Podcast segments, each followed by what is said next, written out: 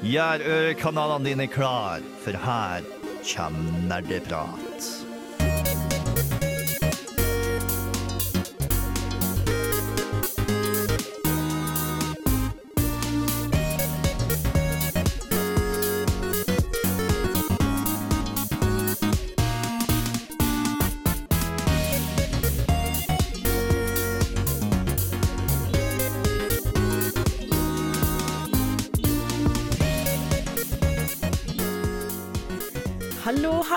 Hallo! Som dere hører er det en ny eh, programleder i dag. Det er meg, Anna. Jeg skal eh, forhåpentligvis styre skuta trygt i land. eh, Og det er første gangen, så litt nervøs, men dette blir veldig gøy. Eh, Vi er flere i studio. I dag har jeg med meg Tor Magnus. Håkon. Og Torben bak teknikerspakene. Yes. Så dette blir gøy. Jeg eh, ja, jeg gleder meg til å snakke om temaet i dag. Det ligger litt eh, nært eh, min uh, spillbarndom og sånn. Ja, hva er temaet i dag? Det er nemlig PlayStation. Fordi Forrige uke hadde vi Nintendo. Da var ikke jeg til stede, men i dag er jeg til stede. Og jeg er til stede for å snakke om min hovedkonsoll. Så jeg gleder meg meget. Wow. Uh, og jeg vet at dere andre her også har uh, av og på med forhold til PlayStation. Noen mer enn andre. Så det blir mye spennende å snakke om. Um, ja, men eh, før vi går eh, videre på hva vi skal uh, ha gjort siden sist, for vi har gjort noe felles, faktisk, uh, så skal vi få ei lita låt. Uh, vi skal få høre Gold Celeste med The Best Trip. Der fikk du Gold Celeste med The Best Trip. Siden sist så har vi hatt litt felles spilling, har vi ikke det? Ja. Vi fikk eh, nemlig, ikke meg for første gang, men eh, noen av dere andre prøve dere på Hellblade av Ninja Theory for første gang. Og jeg er interessert i å høre hva dere tenker om det spillet, for det er et spill jeg er ganske glad i. Dette var jo et spill som du hadde anmeldt eh, tidligere, Yes. Anna. Eh, som du sa at du likte veldig godt. Eh, og det var veldig gøy å få prøve litt. Eh, det var vel Håkon som sto mest for eh, spak spakene. Eh, men eh, så, slik som jeg skjønte det, så var det veldig har- hardt fokusert på dette aspektet med psykosis. psychosis. Eh, som du forklarte i anmeldelsen din tidligere, eh, og det var veldig spennende å utforske i norrønsk setting.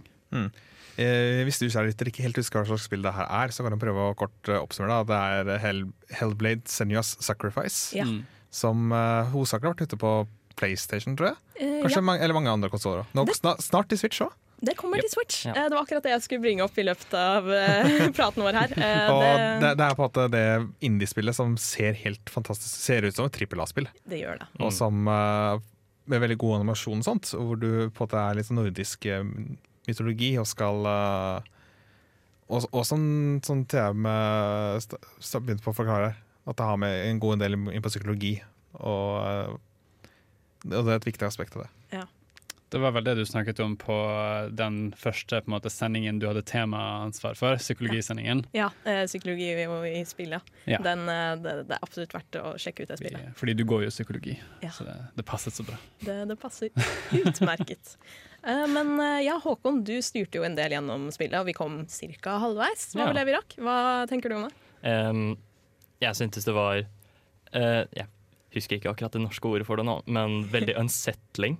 Spill. Okay. Ner eh, nervepirrende og lignende. Sånn urovekkende? Ja, urovekkende. Det er veldig bra ord. Ehm, ja, det, det var de vibbene jeg fikk fra spillet. Og så syns jeg, med tanke på at det var det som egentlig var i hovedfokus, så syns jeg også at eh, combaten i spillet var overraskende moro. Ja.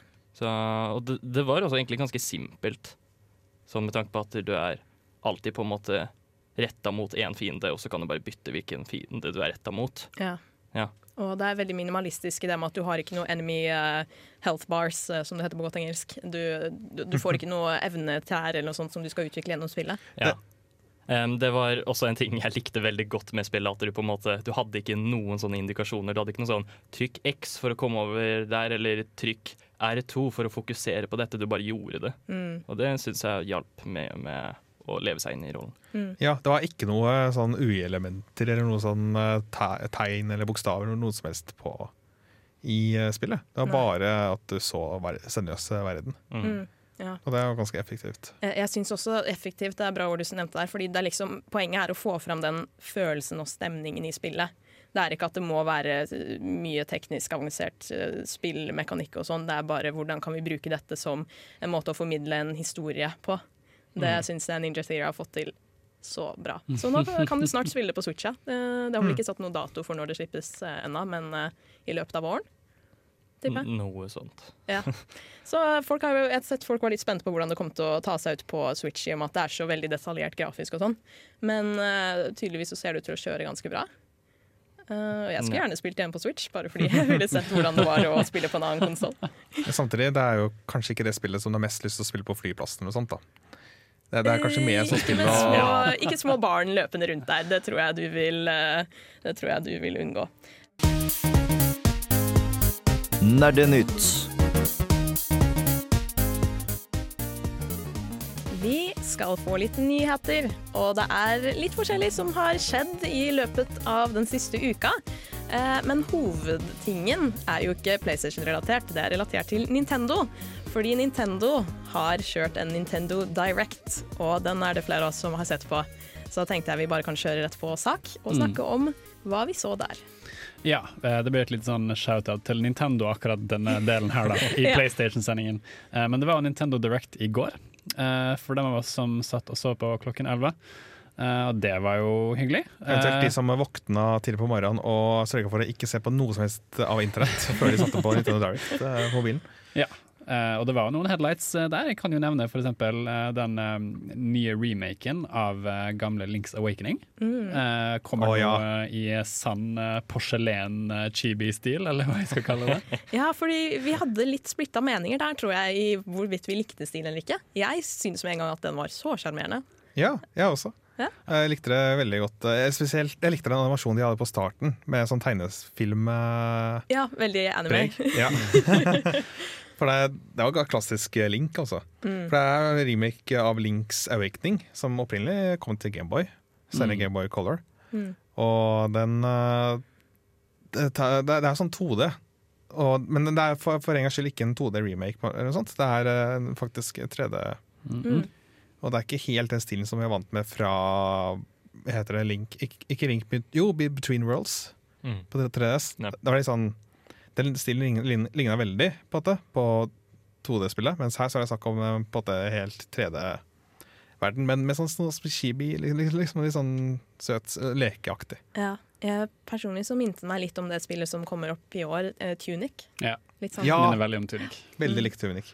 Var det flere ting som eh, kom i Nintendo Direct? Det var det. Eh, Mario Maker, Super Mario Maker 2 Endelig. kommer ut. Eh, det er jo mange som har kost seg mye med eneren, så jeg ser jo godt hvorfor vi nå får enda mer i Super Mario Maker 2. Du kan f.eks. lage Mario 3D-landbaner. Eh, jeg tror ikke du kunne det i den første Super Mario Maker. Nei. Så det er jo ganske, ganske stort. Eh, jeg var ganske forvirra når jeg så på Directen hva du kunne gjøre der, for der har du jo på en måte dybde også å ta i betraktning. Eh, så det kan bli spennende å se hva folk eh, lager sammen der. Du kan endelig ha bakker. Ja. Ja. Eh, det er dessverre ikke noe Bajonetta 3-montasje enda. Uff. Eh, vi håpet jo veldig på det, Håkon, Ja. gjorde vi ikke det? Det gjorde vi. Men they're hard at work, i hvert fall. Ja, de sa de er hard at work. Men eh, det var en annen ting som du var ganske gira over, Håkon. Den viktigste og største nyheten som kommer til å slå alt annet, Tetris Battle Royale. Ja. Dun, dun, dun. Eller Tetris 99, som offisielt heter. ja, men- En del av online-pakka til Nintendo. Hvor eh, du får spille Tetris, men ikke mot én annen spiller, men mot 98 andre. Eller 99 andre, jeg husker ikke Ja, 99 andre. Eller 90, det er jo 99 spillere totalt, altså blir 98 andre. Men Ja. kun Ja. én vinner. Jeg hadde ikke fått med at det var så mange. Det virker veldig kaotisk. Ja, for du ser de på en måte i bakgrunnen, i sånne mindre eh, skjermer i bakgrunnen, og så ser du din først da, fremst, på en måte, som er størst.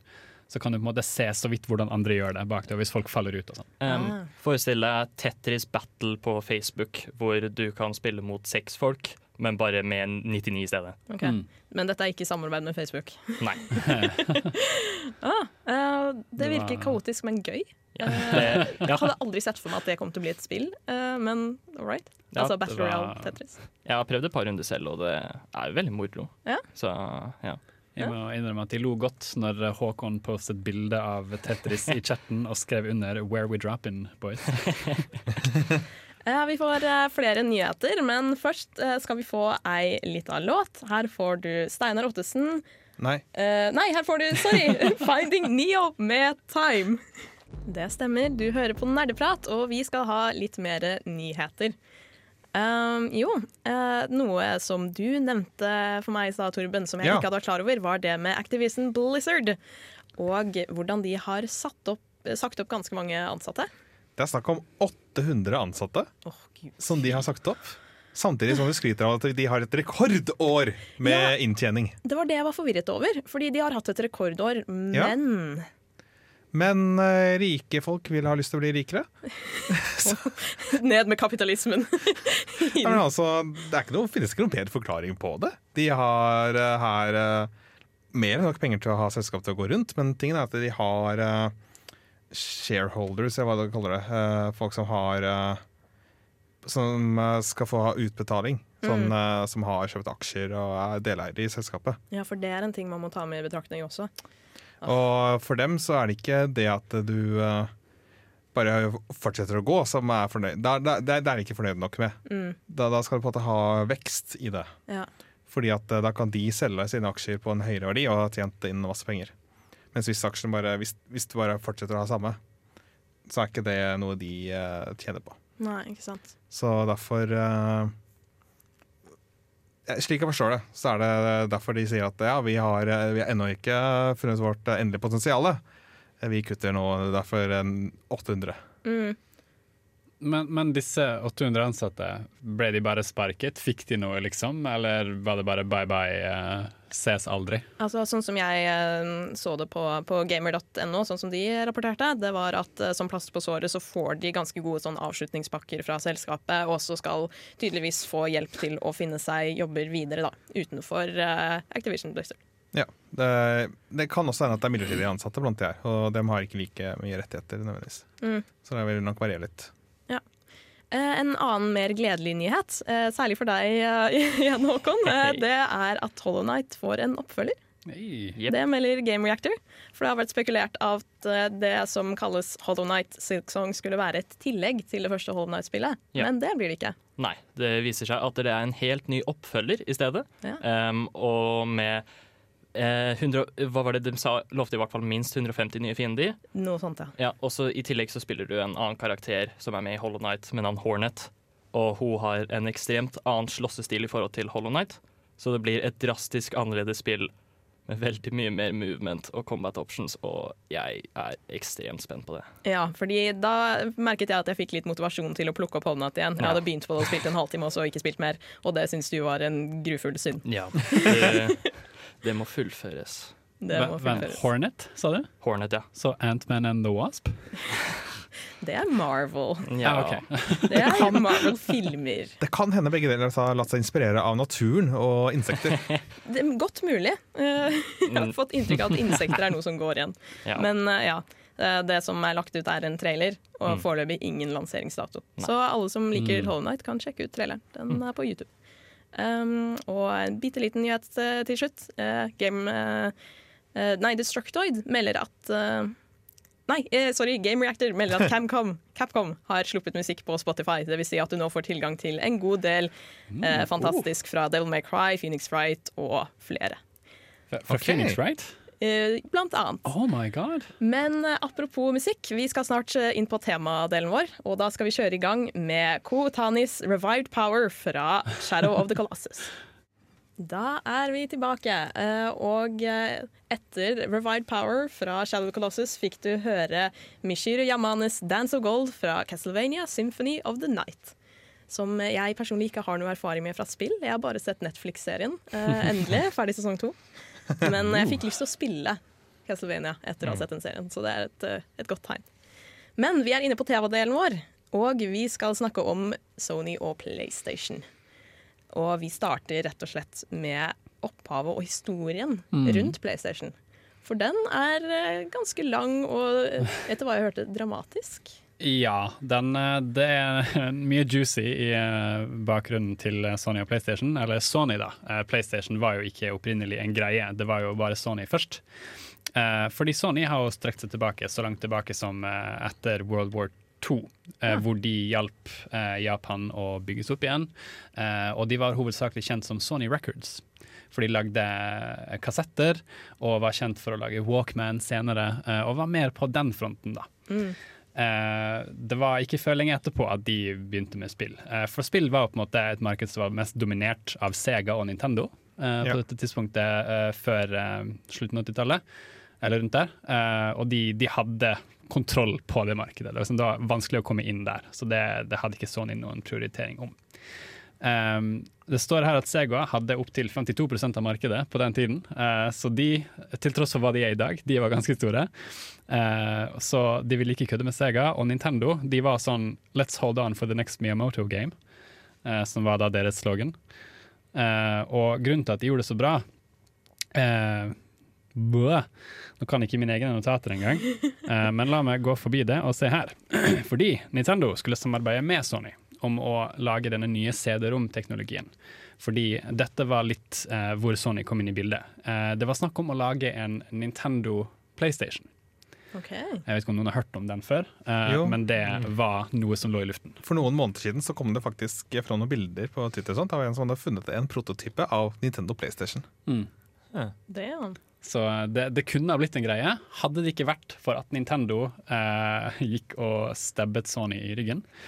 Fordi det som var greia her, var at eh, Sony og Nintendo hadde egentlig lagt en avtale om det her. Men Nintendo, etter litt grubling, eh, trakk seg fordi de ville ikke tjene så mye på det. Fordi Sony sto på en måte med, øh, til å tjene mest på denne CD-rom-teknologien. da. Ja, fordi de produserer Det er allerede godt kjent med CD-er og sånt. Ja. Som en musikklabel, liksom. Så når Sony gikk ut og annonserte eh, at hei, verden, vi skal uh, lage en ny Nintendo PlayStation, så kommer Nintendo ut etterpå og bare uh, nei, vi, vi samarbeider med Philips isteden. Sorry. Å, oh, Philips CDI! Det, med de Ja. fantastiske Zelda-spillene og uh, There you go. Eh, Sony, og, og forstående nok, veldig forbannet og frustrert etter denne betrayalen. Eh, og det, dette her var da Ken Kutaragi, uh, som er kjent som the father of PlayStation, som sto bak uh, dette samarbeidet. hadde gått til sjefen av Sony at the time, som var Norio Oga, og sagt at kompis, vi kan ikke la det her gå. Vi må lage en maskin og vise dem at vi kan konkurrere med dem. Og de, det, her her er på en måte sjelen av samuraier som kommer frem og bare ja, vi må kjempe tilbake! De har dolket oss i ryggen, hvordan våger de? For, for, vår ære, liksom. For our honor! Eh, og det var på en måte sånn utviklingen av PlayStation begynte. Eh, det er egentlig veldig artig at det hele begynte med en backstabbing story. Eh, og Sony var jo ikke et spillselskap til å begynne med, men fra nå av så var de det. Så i, eh, Ninten- i, i 1991 så ble Nintendo PlayStation annonsert. Nei, unnskyld, skole litt framover. Uh, Tor Magnus, du må holde mer styr på notatene dine framover. skal vi se. uh, ja, i imponerende siden dette er 1993. på liksom. I 1993 så ble PlayStation X annonsert. Før det så hadde de faktisk shippet ut 200 units med en tidligere PlayStation uh, som ikke gjorde det så bra, tydeligvis. Eh, Så de bare trakk seg litt tilbake, og kom tilbake da litt etterpå, i 1993. Eh, og det var stor usikkerhet rundt dette, fordi Sony var jo en ny contender. Sant? Can they deliver? Can they do it? Her er de to kjempene Nintendo og Sega som står og har sine markeder, og så kommer lille Sony, musikkselskapet Sony og skal ja, prøve seg. Ja, og de gikk jo da inn for denne 3D-teknologien, som de da er så kjent for. Ja, Sony var jo også fra starten av kjent for musikk, og det passer bra, fordi vi skal spille ganske mye forskjellig sånn PlayStation-musikk gjennom eh, denne temasendingen. Men eh, nå skal vi få høre Michuri Yam Yamanes 'Lost Painting', også fra Castlevania Symphony of the Night. Vi skal snakke mer PlayStation-historie, for du eh, var ikke ferdig med å fortelle, eh, Tor Magnus. Å nei, I've got PlayStation for days, baby. Uh, fordi vi var inne på dette med 3D-teknologien som PlayStation uh, ble kjent for i utgangspunktet. Uh, på denne tiden her så var det jo Sony, nei, Sega og Nintendo som holdt på med kassettene sine.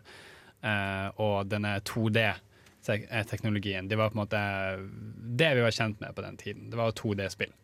Og så kommer da eh, Sony og bare Du, vi lager 3D-spill.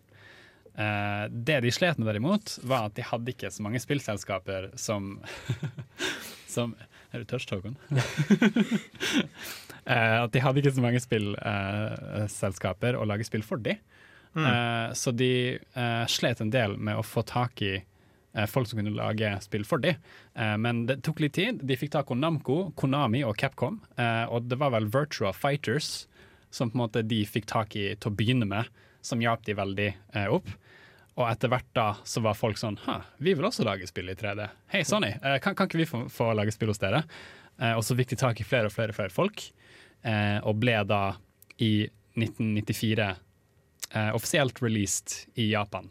Altså PlayStation kom da ut i 1994 i Japan.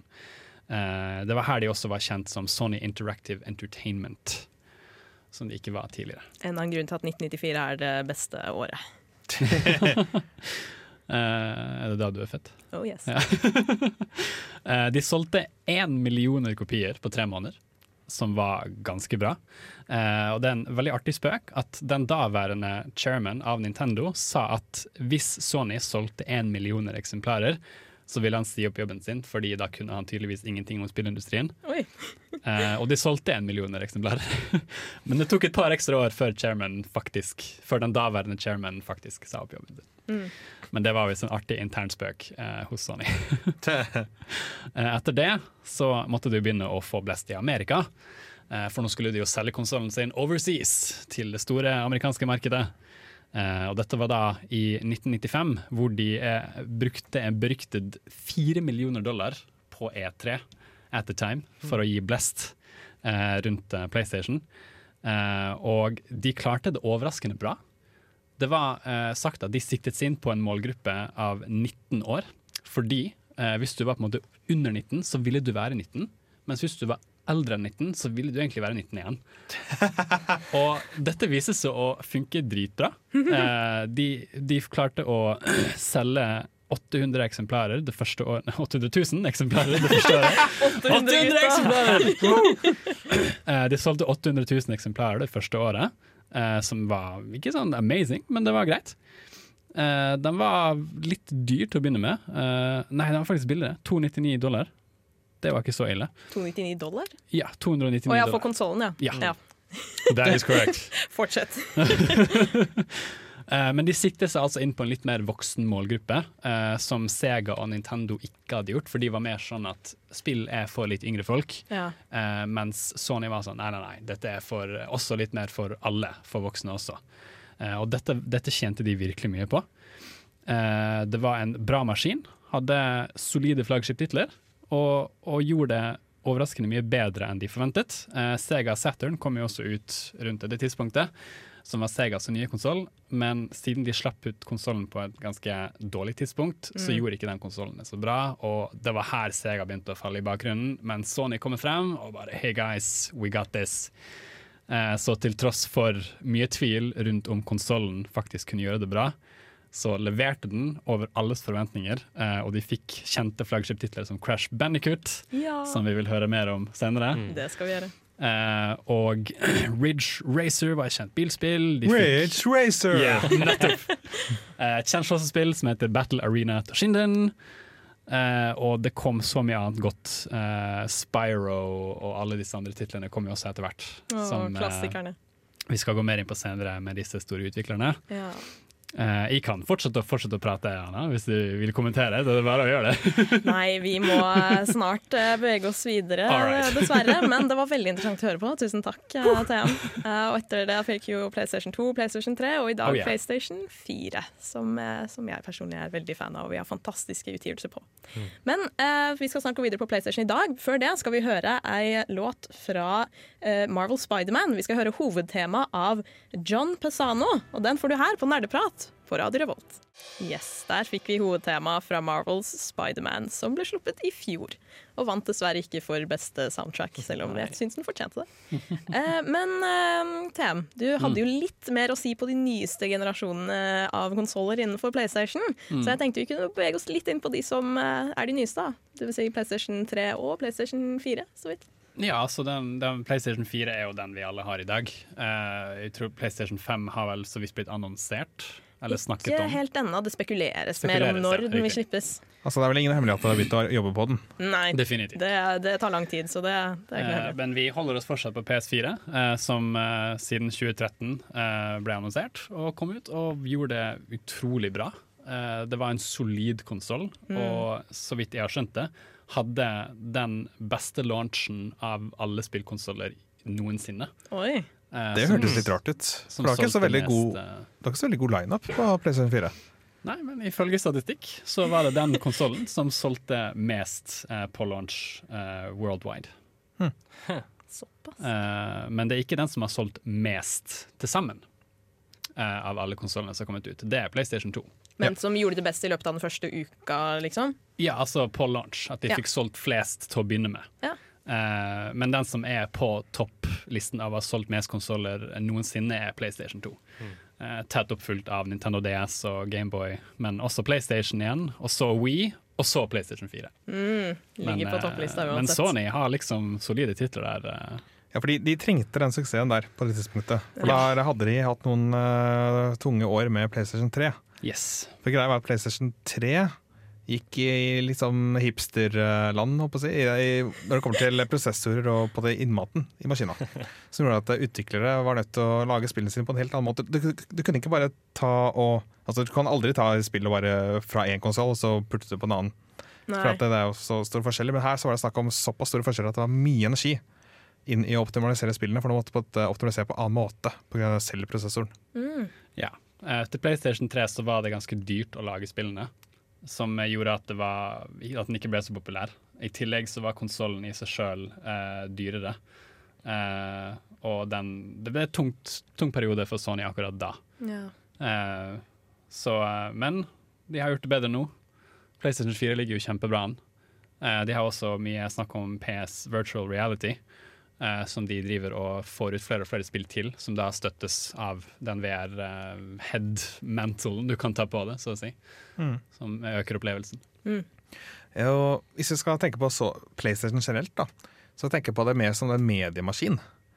Og som ganske naturlig siden Sony også er et, i større grad et uh, medieselskap heller enn et uh, spill, rent spillselskap. ja. For du hadde med PlayStation 2 så var det også en DVD-spiller. PlayStation 3 så var det også Blu-ray Nettopp. Og PlayStation 4 også tror jeg har beholdt Blu-ray-funksjonaliteten. Mm.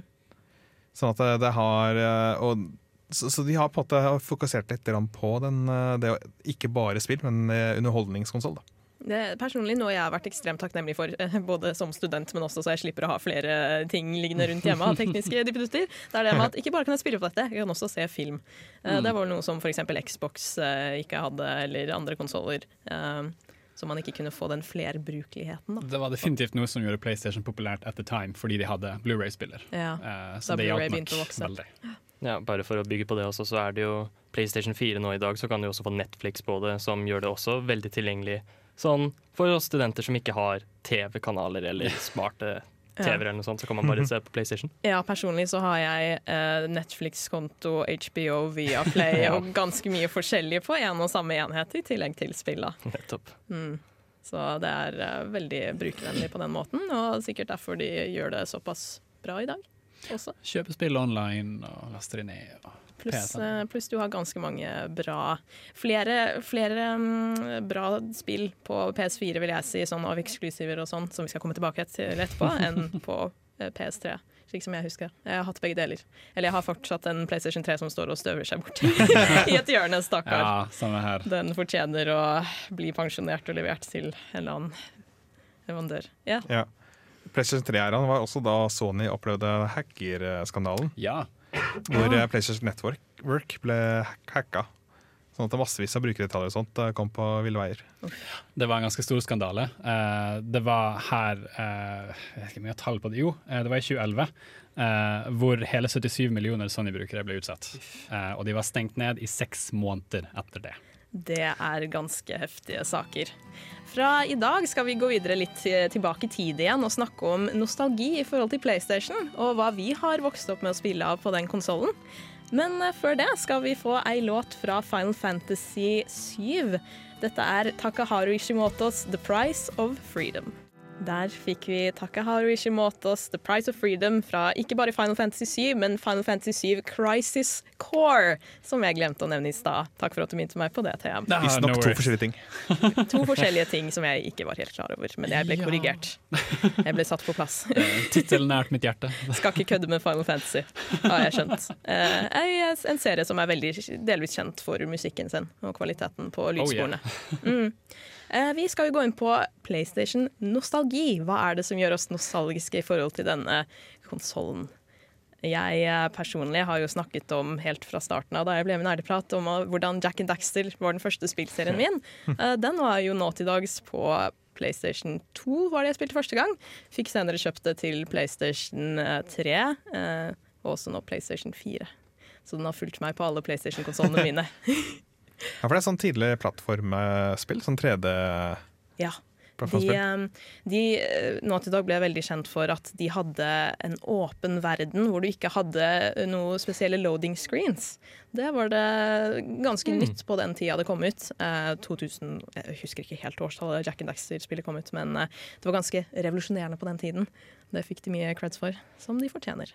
Jeg syns bare det er et veldig gøy bilde å tenke seg at de da var kjent for sine åpne vegne, med tanke på at de i spillserien rett før så var de på en måte kjent for ekstremt lineære baner, Ja, som bare var A til B. ja for det var eh, Crash Bandicoot som eh, vi skal snakke om eh, etterpå. Ja, det kom kommer vi til etterpå. Men Det var ganske kontrast der, der du Ja.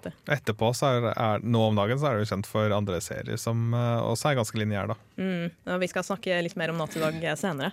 Men ja, Jack and Daxter var en veldig sånn tegneserieaktig, koselig spill som var for barn, da. Tilpasset barn. Senere oppfølgere var plutselig av en eller annen grunn eh, mer mynta på ungdommer, og da var det pistoler som du eh, ja, skjøt rundt med, og litt annen stemning. Eh, de bestemte seg for at de skulle gå til en litt annen målgruppe. Men jeg lurer på hva det er som gjør dere nostalgiske i forhold til eh, PlayStation. Eh, jeg har ikke spilt PlayStation 1-spill så mye, for de hadde det ikke. Nei. Jeg kom først inn på banen på PlayStation 3, egentlig, fordi jeg var Nintendo-gutt da jeg vokste opp. Eh, Så min nostalgi ligger mest på PlayStation 3 og PSP, faktisk. Eh, Låten du spilte her, som var fra Crisis Core, eh, Ja. den ligger veldig nært mitt hjerte, altså, for det var en av de første spillene jeg spilte på PSP og Ja. PlayStation generelt. Uh, som det er litt å gråte over. Men jeg vet ikke om dere andre har noe bedre forhold til PlayStation enn det jeg har, kanskje? Jeg har ikke bedre forhold til deg enn deg, fordi at uh, i min første PlayStation, det var en PlayStation 4, Ja. som jeg har brukt mer til YouTube enn spilling. Uh, ellers så har mitt forhold til PlayStation vært å se på pappa spille. Oh. Fordi jeg var alltid den som spilte på Nintendo, som spilte pappa på PlayStation. så jeg har sett han eh, spille Jack and Daxter og uh, veldig mye Ratchet and Clank. Ja, ja, Ja. det er jo også en sånn uh, maskot nesten for tidligere PlayStation-konsoller. Ja. Og mm. Ja, nei, um, jeg har ikke lyst til å bli kjent for han ene fyren som snakker om Kingdom Hearts hele tiden, men uh, Too late. Uh, For sent! uh, ja, jeg var jo for det meste Nintendo-kid, jeg også, men vi hadde en PlayStation 2, og da ble det veldig mye Kingdom Hearts. Så det er noe jeg har vokst opp med. Men også eh, nevnte Ratchet Clank, som jeg også har spilt veldig mye, og veldig moro. Ja. Så der, der også, i likhet med Jack and Daxter, så er det jo mer sånn skytevåpen slash plattformer-aktig Ja. spill, bare at våpna du har i de spillene er helt absurde. Så Og det er jo satt i Du reiser rundt i verdensrommet mellom ulike planeter. Ja. ja, Så det er litt mer sånn romferdsel og utforskningsaspekt. Sånn episk eh, space opera, holdt jeg på å si. Ja. Eh, og så er jeg, jeg liker det mest fordi det er veldig sjarmerende og har veldig mye humor. Mm. Sånn som med våpna og bare dialogen mellom karakterene. Men ja, det er veldig morsomt spill. Eh, Jeg har jo også eid en PS2. Jeg fikk det på en måte senere. Så selv om jeg ikke fikk noe nostalgisk forhold til det som, som du der, eh, men så fikk jeg jo på en måte en sånn liten JRPG-periode med Persona eh, 3 og 4 på PlayStation 2, eh, som eh, jeg koste meg masse med før, i hvert fall. Ikke da jeg var yngre, men da i senere tid. Ja, for uh, sist sending i Nintendo-episoden så snakka vi litt om at uh, Super Nintendo var på en måte ja, uh, japansk rollespillkonsollen. på den tida. Ja. Men uh, nå i nyere tid så er det PlayStation 2, føler jeg, i stor grad. Ja, som har vært en sånn uh, japansk rådespillkonsoll. Ja. Ikke sant, fordi mange, altså Final Fantasy var jo på Nintendo, som du sa, og når Sony kom ut med denne 3D-teknologien, eh, så var jo Final Fantasy fort på den vognen, og, og holdt seg til den ganske eklus eksklusivt, egentlig. mm. På PlayStation. Ja, riktig. Mm. Uh, så derfor fikk du Final, Final Fantasy i stor grad på den, Mm. Og så mange av de andre oppfølgerne. Riktig.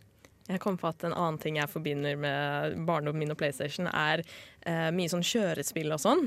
Ja. Eh, og eh, også Singstar og dansemattespill. Ja. Det var noe jeg vokste opp med da det kom på den banen at du trenger ikke bare sitte og spille, du kan være mer sånn jeg holdt på å si kreativ med spill, om det gir mening. Du kan være i aktiv bevegelse. Husker vi hadde en sånn blå, litt sånn klumpete dansematte med masse forskjellige låter som ikke liksom var fra de mest populære listene på radio, men det er sånn japansk eh, pop, eh, rock og fra Jeg vet ikke om det var fra spill og sånn, men den hadde jeg og lillesøstera mi ganske mye morsomt med. Og High School Musical um, Singstar. High School Musical 2. og kunne alle sangene der ut og inn. Så det, jeg vet ikke om dere også har noe erfaring med noe som heter iToy? Jo. Så, Å, sånn Gud. var det. Minner strømmer tilbake. Ja. Minnene strømmer tilbake. Det var jo et spill hvor man kunne liksom få bildet sitt på eh, karakteren, og så skulle man liksom registrere bevegelser på et kamera og gjøre masse forskjellige ting. Så det har vært eh, Det er en slags knekt eh, vel lenge før. Ja. Kinect bare. Eh, nettopp. Det er det det har vært.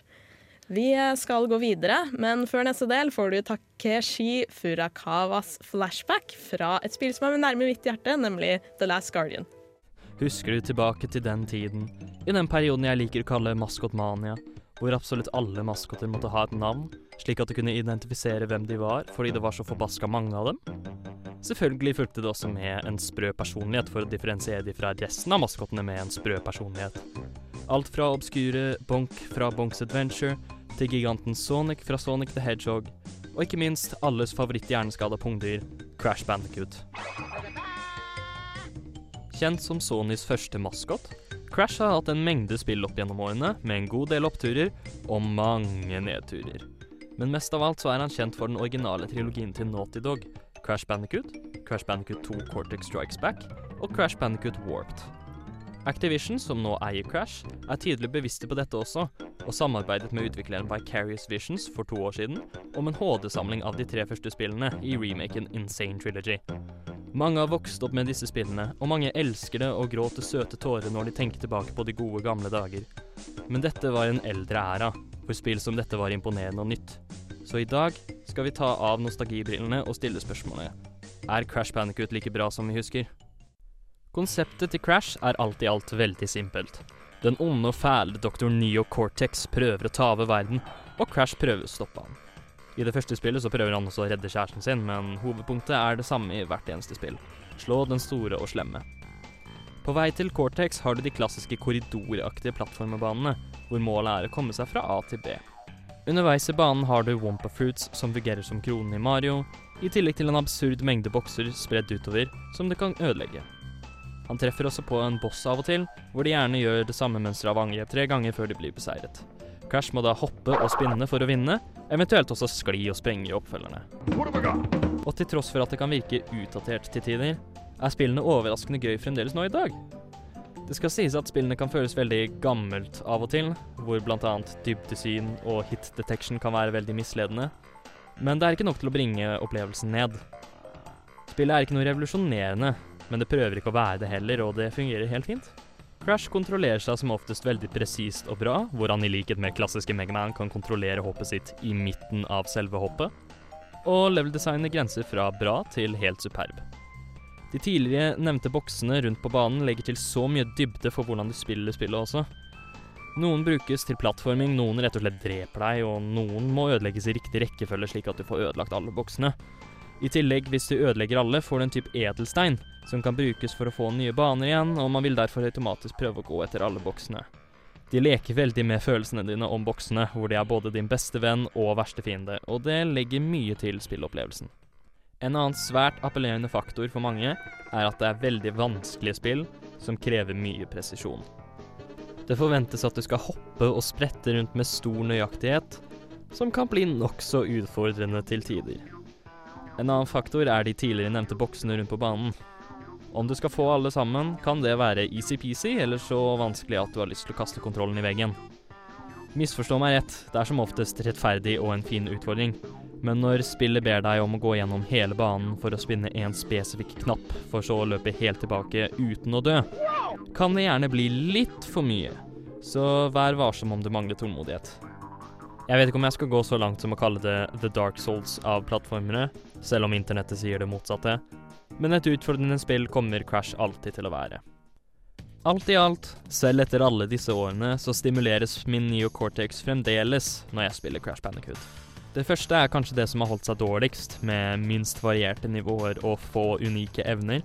Og selv om Warped er det stikk motsatt av nettopp disse punktene, med vilt varierte nivåer og mange, mange evner, er det et par nivåer av og til som tar deg ut av plattformingen for å fly eller kjøre motorsykkel eller dykke, jada, jada, jada, og er helt ærlig veldig kjedelig. Cortex Strikes Back derimot er en perfekt mellomgrunn med mye varierte nivåer og svært solid plattformdesign, med mye utfordring og kreativitet. Så for å konkludere, så er faktisk Crash et anerkjent spill for en grunn, til tross for alle dens feil. Og jeg vil anbefale å plukke opp Insane Trilogy dersom du er en fan av plattformer generelt. Der fikk vi Håkon sin eh, anmeldelse av Crash Bandicoot. Ja. Og du tok av deg nostalgibrillene, sa du? Ja. Um, jeg er jo veldig glad i den originale Crash Bandicoot-trilogien. Uh, og jeg har spilt den en god del ganger opp gjennom årene. Uh, og jeg, jeg, jeg bare syns det er en veldig gøyal uh, spillserie.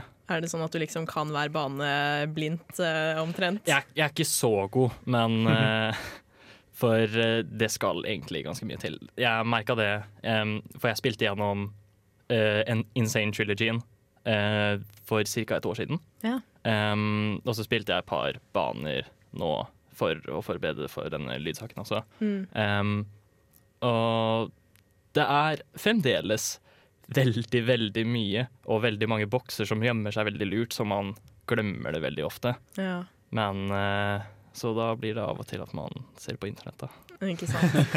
uh, Crash Bandicoot ble jo lagd på en tid hvor spill mye handlet om det med utfordringen i å samle nok objekter, og ta- så på spill som mer en utfordring. Gøyal utfordring, en historiefortelling, da. Så som du nevnte, så er ikke historien den dypeste. Nei. Um, det er jo alltid bare det konseptet at Crash, som eh, er Jeg syns også det er veldig gøy at istedenfor For en bandicoot, eller da en punggrevling om du vil, er jo egentlig bare en eh, eh, hånd, eh, Størrelsen på en hånd som er en, på en måte en stygg rotte slash kenguru-kombo. Eh, men siden dette var 90-tallet, ikke sant, så må jo Crash se ut som at han er uh, jacka opp protein i. Men eh, Eh, du har i hvert fall han da som på en måte skal bare stoppe Cortex for egentlig Cortex. Ja, ingen grunn, egentlig. Han bare Han er bare slem, så Crash skal gjøre noe med det. De er naturlige, bitre fiender. Ja. Så uh, pungrottas verste fiende naturlig er en uh, hjerneoppkalt uh, sprø, gal En gul, gal vitenskapsmann, ja.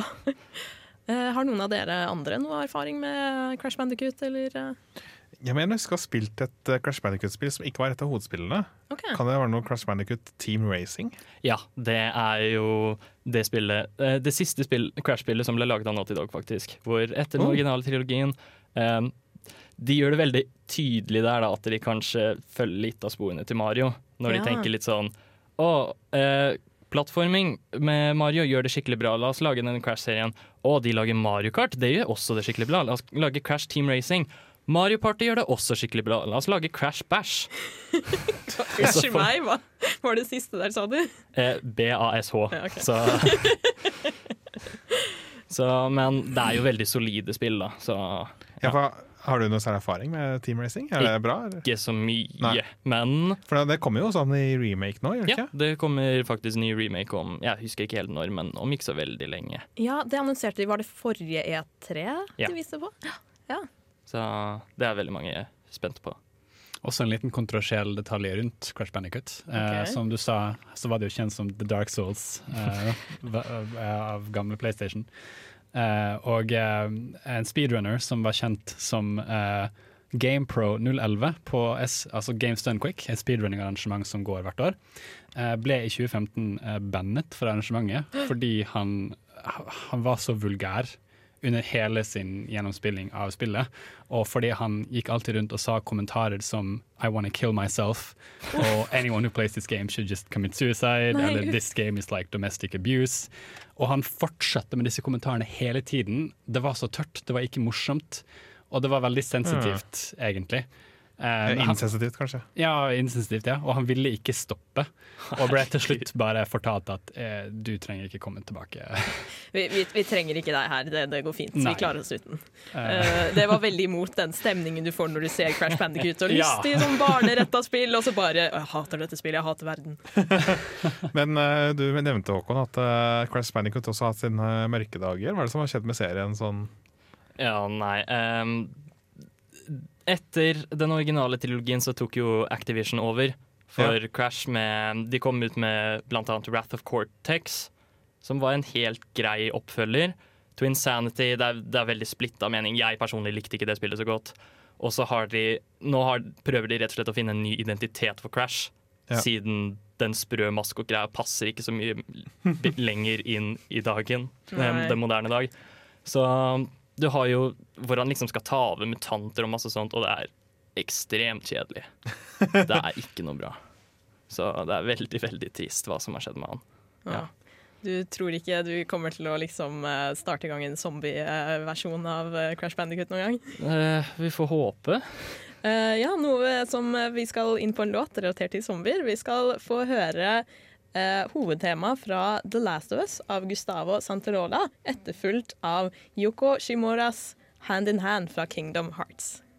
Yes, da fikk vi høre Yoko Shimomoras Hand in Hand fra Kingdom Hearts, og før det hovedtema fra The Last of Us. Som jeg syns er rart å tenke på at The Last of Us også er lagd av Naughty Dog, som startet med Crash Bandicoot. Den veldig enkle grafiske serien. Og så i dag har du fotorealistisk The Last of Ja. Us eh, 2, som kommer kanskje i løpet av i år. Ja.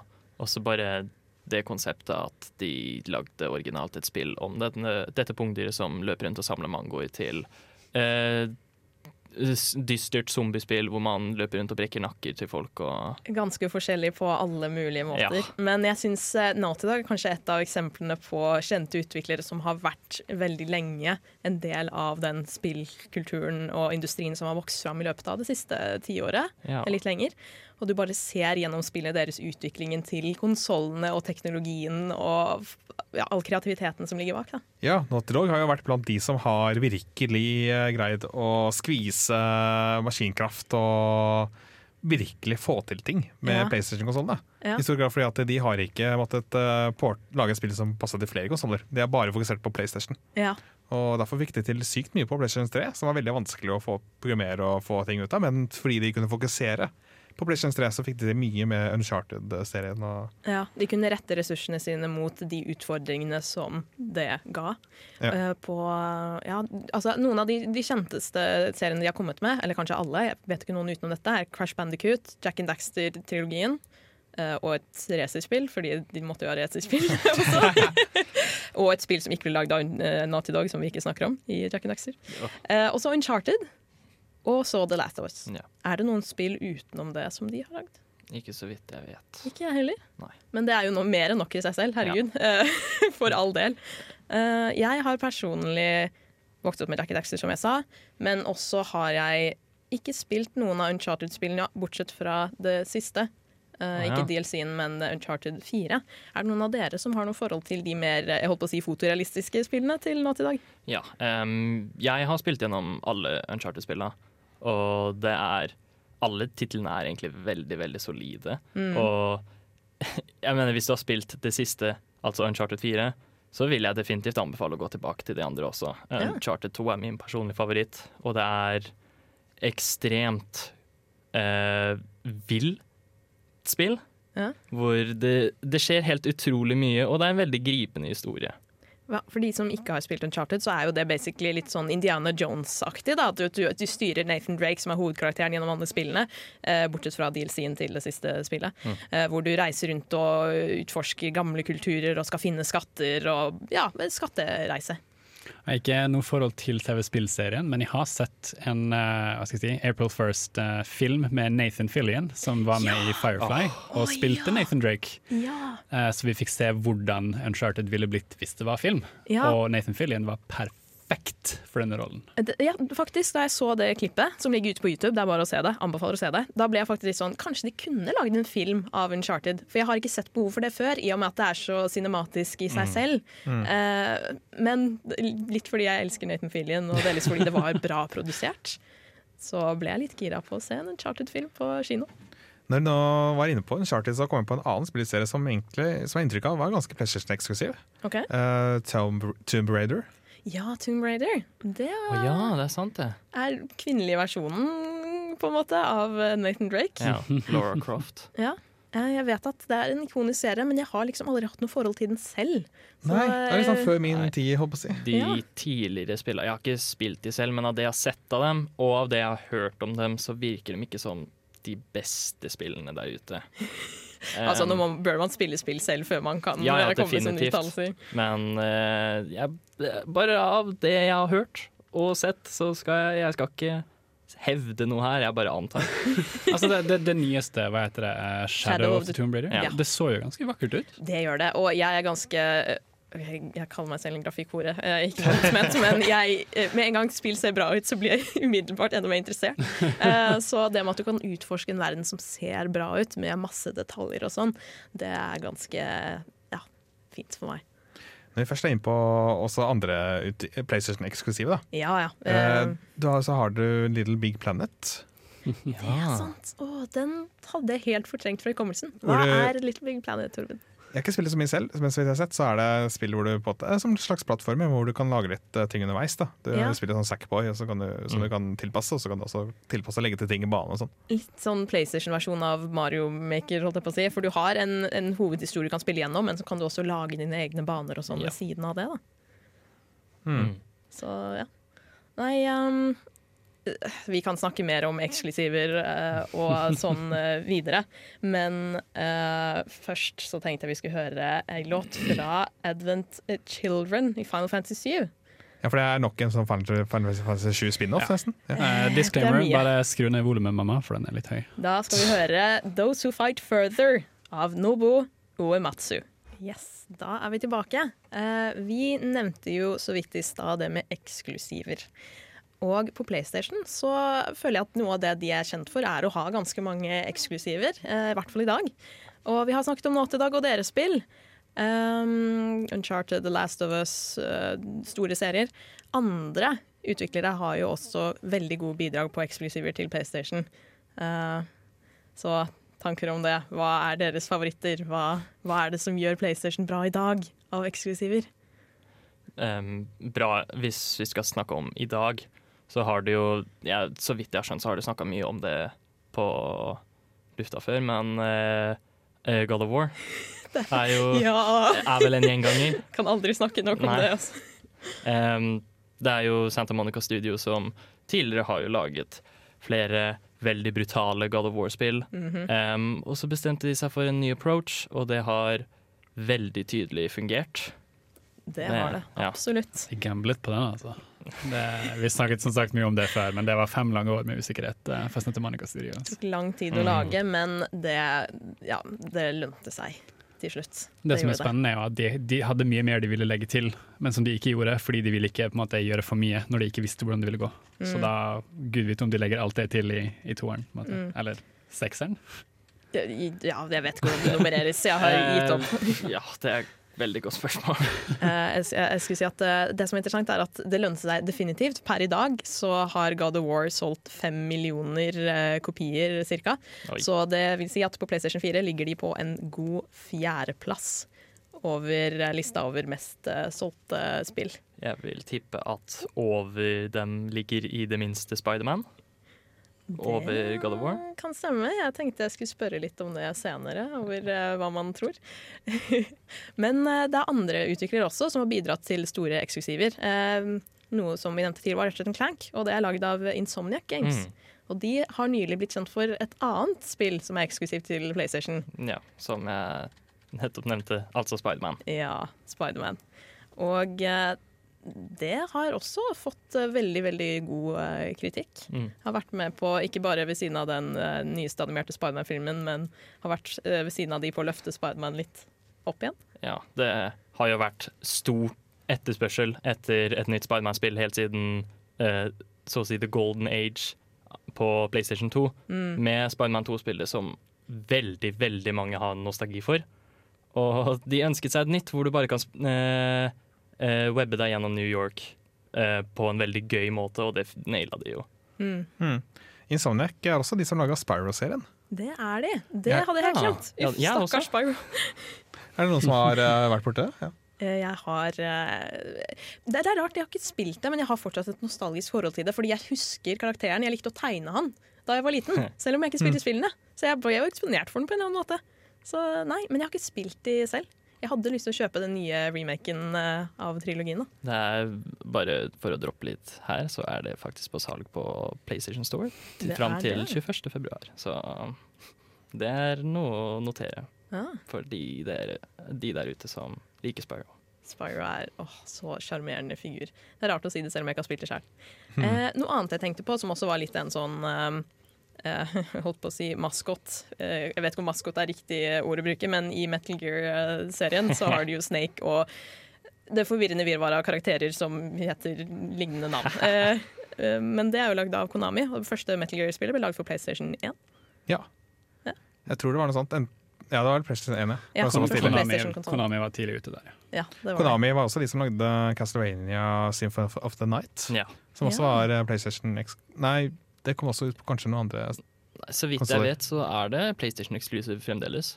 Okay. Um, ja, men det har bare fått flere re-releases på nyere konsoller. Sånn Ja. som det ble jo lansert en type remaster for uh, bare noen par måneder siden på PlayStation 4. Så ja. Men det er bare én liten utvikler jeg har lyst til å ta med meg, eh, legge kaste inn her. Ja, kjør på. Uh, That Game Company. Ja! Å, herregud! Hvordan kunne jeg glemme That Game Company? For de som ikke vet det, That Game Company lagde Journey, som er Aha. det beste Jeg vet ikke om man kaller det indiespill, det er bare et av de beste spillene noensinne. Fra, fra min side, i hvert fall. Og de hadde en avtale på å lage tre spill eksklusivt til eh, Sony og PlayStation. Ja. De, de, inntil nylig, ganske nylig så ansatte de også nye folk. Uh, men jeg tror de har fylt de stillingene nå. Sky noe sånt er det som er neste Ja, det, deres. det skal komme på mobil, og så senere sannsynligvis komme til PlayStation, yeah. så jeg. For nå har de betalt unna, holdt på å si. Nå har de gjort, eh, har de gjort fullbyrdet avtalen med PlayStation. Da er det fiksa. Men vi nevnte jo Metal Gear, eh, og her skal vi få ei låt som heter Snake Eater. Den eh, er komponert og sunget si, av Cynthia Harrell. Eh, Og den får du her på Nerdeprat på Radio Revolt. Der fikk vi Snake Eater, sunget av Cynthia Harrell og komponert av Norihiko Hibino. Og eh, vi har snakket mye om PlayStation gjennom tidene. Jeg hadde bare lyst til å spekulere litt rundt hvordan vi tror PlayStation kommer til å gjøre det litt sånn i framtiden. Nærmeste framtid og videre også. Eh, fordi eh, noe jeg har lagt merke til, er at Sony ikke vil være til stede under neste E3, altså E3 2019. Eh, jeg lurte på om dere har noen tanker rundt det, hva som kan være årsakene, og hvorvidt det er en taktisk god eh, avgjørelse? Uh, Nintendo, som vi vet, har jo sin egen Direct. Ja. Uh, det skulle ikke forundre meg at Sony har lyst til å gjøre noe i samme gate. Uh, ja, det, det er også interessant, fordi i fjor så hadde ikke Sony en egen Direct. Da hadde de, de stilte ikke der, da. Da var de med E3, men ikke på en Sony Direct. Eh, og så virker det som uh, Det de hadde vel en form for pressekonferanse, eller ikke? Ja, men det var vel relatert til E3. Ja. Um, men sånn som det ser ut ifølge en Games Radar-artikkel jeg, jeg, leser litt på, uh, er at de snakker om at de vil utforske nye og kjente måter å kommunisere med brukerbasen sin på. Det vil si at eh, de sannsynligvis, tenker jeg, i framtiden om noen år, når de kommer med PlayStation 5, vil prøve å få altså en, en plattform hvor de bare kan snakke om PlayStation-spill uten å måtte konkurrere om tida med andre, som man må litt eh, under en E3-konferanse. Ja, fordi etere, der hvor alle spillselskap- det er der alle spillselskapene kommer og liksom skal vise seg i kamp. og Ja. Hvem er det som er best, hvem er det som kommer de beste nyhetene?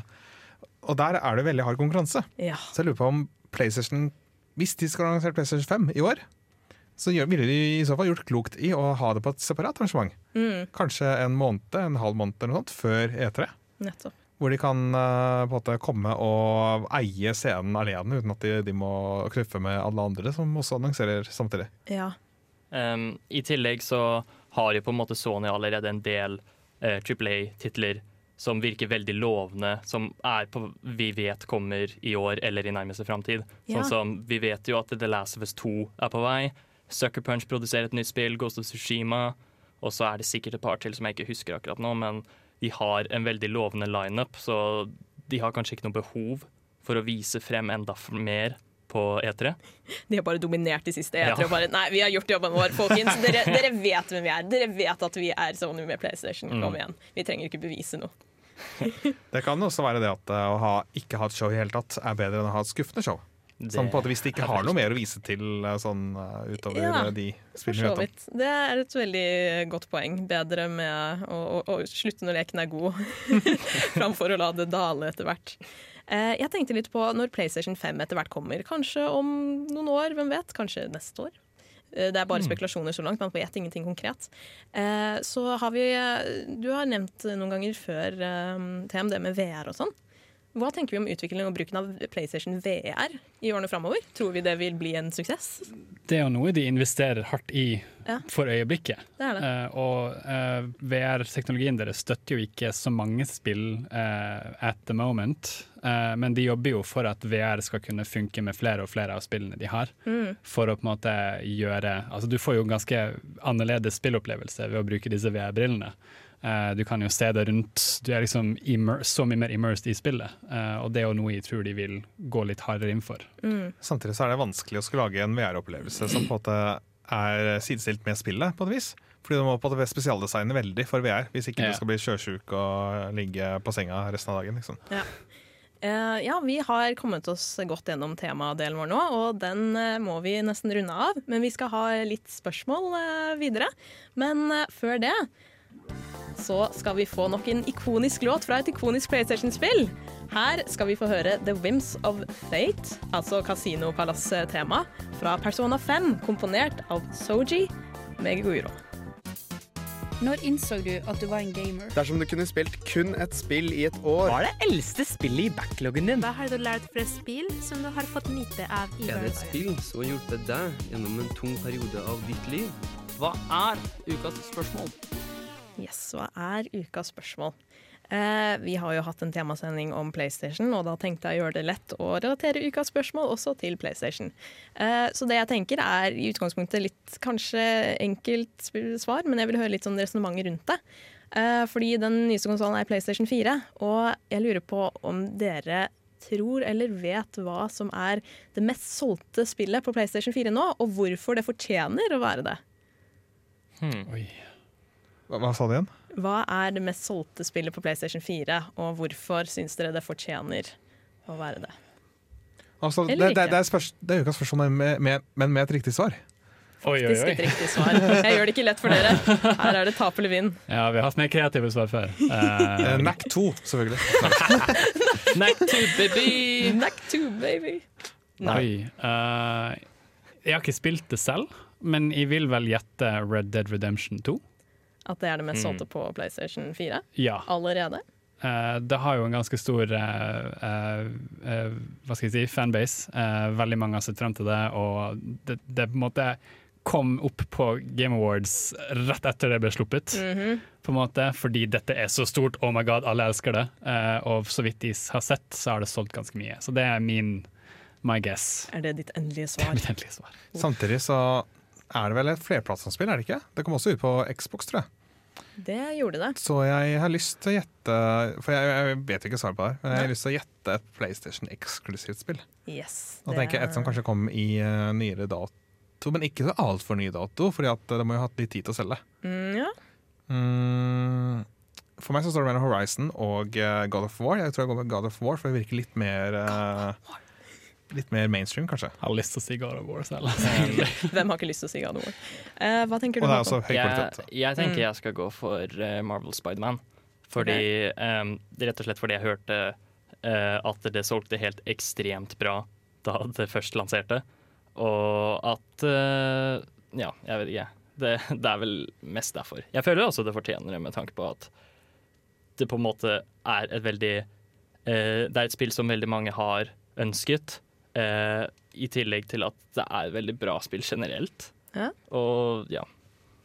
Så at Håkon snoket på mobilen sin etter at du stilte spørsmålet, så hvis han har rett Så hvis han har rett Diska OK, nei, du er Hvis han har usikker. rett Torbjørn. Ja, er det nå du, bare har lurt oss alle, og det er Fifa 19 eller noe sånt? Eller? Fifa Å nei, gud. Faktisk ikke. Jeg kan si de OK, dere har avgitt eh, deres svar. Jeg kan si de topp tre. På tredjeplass med 7,6 millioner kopier har vi Horizon Zero Dawn. Hmm. På andreplass med 8,7 millioner kopier har vi Uncharted 4, A Thieves End. Mm, det var det ingen her som nevnte. Men på førsteplass, med 9 millioner kopier solgte, har vi per i dag Marvels Spiderman. Ja. Men du ble diska, så det gjelder ikke. OK. Jeg, jeg, jeg, skal, jeg skal innrømme ting. Jeg prøvde å jukse, men jeg kom ikke langt. Så jeg tok en wild guess. Jeg vet ikke om det gjør det bedre. I did not have sexual relations with that woman. Bra referanse. Skjønt. TM. Eh, Hal halvveis du er ikke noen lagspiller når du bare tyster på studio. Rett skal være rett. Det er Tror ikke tillatt. er du får smiskepoeng? Smiskepoeng? Så klart gjør de det. Nei, det mm. Men, Men, ja. men altså, hvem får mest tillit her? Han som innrømmer at han jukset, eller han som faktisk ærlig prøvde å si liksom, folkens, la oss gjøre det her på en ordentlig måte? ærlig prøvde faen. å trekke ned lagkameraten sin. Nei, jeg prøvde ikke å trekke han ned. Han er en kjernefyr. Jeg vil igjen bare påpeke at jeg fikk riktig svar, selv om jeg ikke fant svaret på nettet. Men kan vi stole på at du, at du faktisk mener det? Jeg kan vise til telefonen din hvor langt jeg kom. Vis vis vis loggen. Nei, men det er, det er Marvel Spiderman. Jeg kan, jeg kan gi deg det, Håkon. Jeg spøker, jeg spøker egentlig. Jeg stoler på deg. Ja, takk. Eh, Marvel Spiderman solgte altså ni millioner kopier så langt, ifølge Wikipedia. Så eh, vi får se hvordan det går i løpet av 2019, om det er noen som kommer til å ta over, i og med at det skyldes sikkert at de hadde en skikkelig pangstart. Kanskje det er noen andre som kommer til å selge mer over tid eh, så langt. Men ja, nei, Insomniac traff mange rett i hjertet med det spillet. Det er velfortjent, føler jeg, da. Mm. På en måte så er det litt overraskende, fordi at den har ikke vært ute så fryktelig lenge. Nei, Egentlig. ikke sant? At, at Den så ganske bra til hvis det tar per måned. Samtidig så er det jo en, en lisens. Vi, lisensspill pleier å være ganske eh, populære før. Med at liksom, å, alle kjenner det navnet her, da kjøper vi det spillet. Ja, og de hypa det godt opp og sånn. Men eh, nå er det faktisk lisensspillet lisensspill som har god kvalitet, Ja. Og som det. har uh, et kjent navn med seg. Det er det. Men ja, Håkon, du vant. Uh, gratulerer. Tusen takk. Uh, vi skal få ei låt til her som er helt nydelig. Du skal få høre 'Sanctuary' med Utada Hikaru fra Kingdom Hearts 2. Yes, det var 'Sanctuary' fra Kingdom Hearts 2. Og vi er ved veis eh, ende i dag, faktisk. Tida har gått så fort. Det har vært eh, litt skummelt, men mest veldig, veldig gøy å være programleder i dag. Kan jeg bare si at du har gjort en kjempebra jobb, og vi er kjempestolte av denne. Det kan du. Du kan gjerne si det så mye du vil. Eh, neste uke skal vi runde av konsolltemaet vårt ved å snakke om Xbox. Eh, en konsoll de færreste av oss egentlig har veldig stort forhold til, så det kan bli eh, gøy å utforske den. Da må vi nesten ha litt eksperthjelp. Da må vi ha litt eksperthjelp. Vi skal se hva vi skal få. I mellomtida, hva skjer fram til neste torsdag? Det er en eh, Smash-turnering på WorkWork neste uke, den 20. Med Melee som er i luften. Eh, Så der er det bare å stikke innom i sekstiden og sjekke på kvelden. Ja, Det er gøy. Det blir gøy. Og vi skal også prøve oss på Dungeons and Dragons. Altså i hvert fall Torben, TM og meg. Håkon, du kan ikke. Nei. Men det skal vi gjøre i morgen, så det blir spennende. Det, det er gøy. En annen som heller ikke kan, er Tommy, for han er syk. Han er syk og måtte holde seg hjemme i dag. Ja. Eh, så god bedring, Tommy. Vi savner deg. Vi savner deg. Den dagen vi alle er på sending, det blir en dag. Den dagen vil komme. Eh, men ja, da er vi ferdige for i dag. Og vi har snakket masse om PlayStation, og jeg gleder meg masse til neste uke. I mellomtida så får du ha en god valentinsdag, for det er også i dag. Så ja, Lykke til. lykke til. Eh, dette har vært oss i Nerdeprat, og du hører på Radio Revolt. Her får du Haik med 'Time to Forget'. Ha det bra! Ha det bra. Du har lyttet til en podkast på Radio Revolt, studentradioen i Trondheim. Sjekk ut flere programmer på radiorevolt.no.